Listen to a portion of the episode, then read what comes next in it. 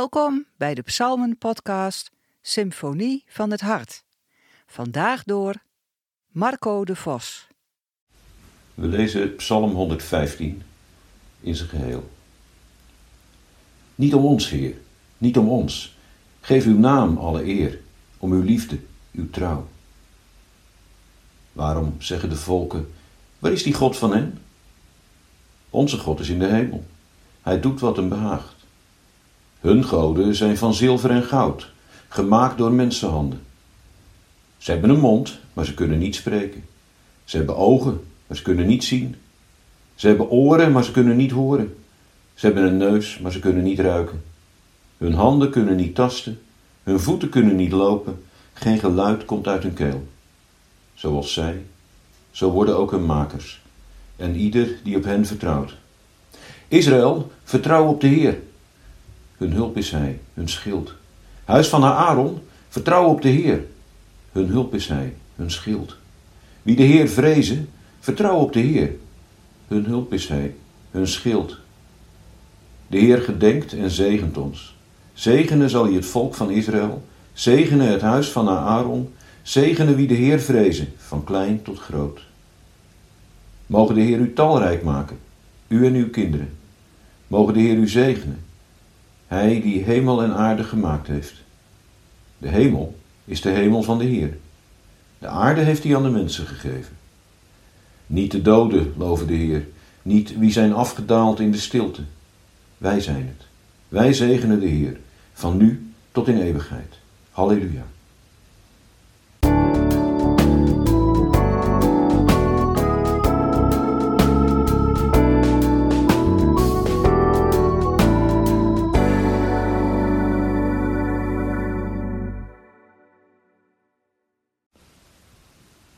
Waar is die God van hen?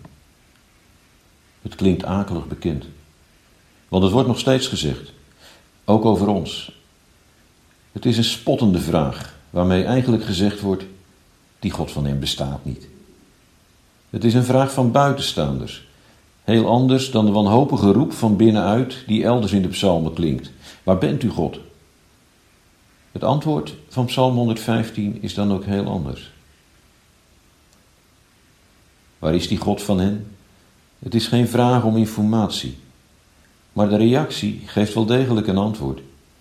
Onze God is in de hemel. Hij is onzichtbaar, maar hij kan alles. Hij is vrij om te doen wat hij wil. Dat wordt in schril contrast gezet met de goden van de buitenstaanders. Hun goden zijn van zilver en goud, werk van mensenhanden. Je kunt ze zien, vastpakken, maar ze zijn tot niets in staat. Het plaatje dat de psalmist oproept, doet denken aan Jesaja 40 en 44, waar ook de spot wordt gedreven met godenbeelden die door mensenhanden worden gemaakt. Dit is de eerste tegenstelling in Psalm 115. Laat ze maar spotten, die volken om ons heen. Want onze God kun je wel niet zien, maar hij is onafhankelijk, machtig. En hun goden kun je dan wel zien, maar ze stellen niets voor. De tweede tegenstelling laat zien wat het gevolg daarvan is. Wat gebeurt er als je vertrouwt op beelden van goud en zilver, op wat door mensenhanden is gemaakt? Dan word je zelf net zo onmachtig. Dan heb je niets meer te zeggen, wordt je bewegingsruimte steeds minder.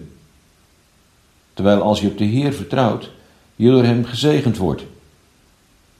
Die oproep om op God te vertrouwen staat als een climax in de psalm. Hij wordt drie keer herhaald steeds met een antwoord, een acclamatie. Hun hulp is hij, hun schild. Eerst wordt het volk van Israël opgeroepen om op God te vertrouwen. Dan worden expliciete priesters, de nakomelingen van Aaron genoemd.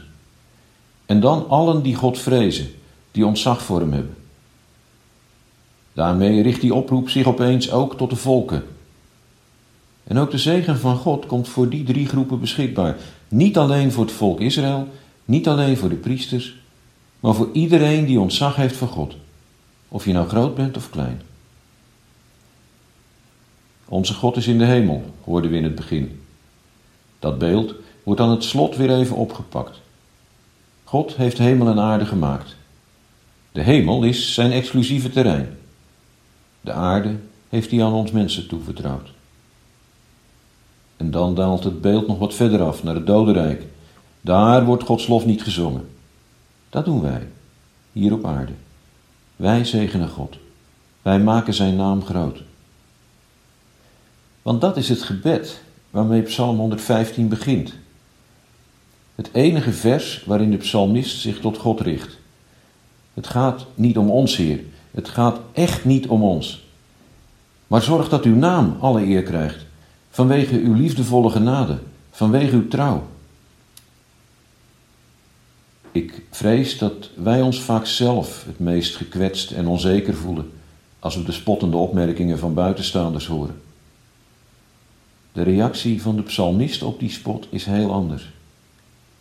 Heer, het gaat niet om ons. Laat ze ons maar uitlachen. Maar zorg dat uw naam de eer krijgt die hem toekomt. Want u bent goedertieren en trouw. Als we daarmee durven te beginnen, dan durven we ook steeds meer te vertrouwen. Dan komen we beschikbaar voor Gods zegen. Dan beseffen we dat wij het zijn die mogen zingen. Dwars tegen alle spot in. Halleluja.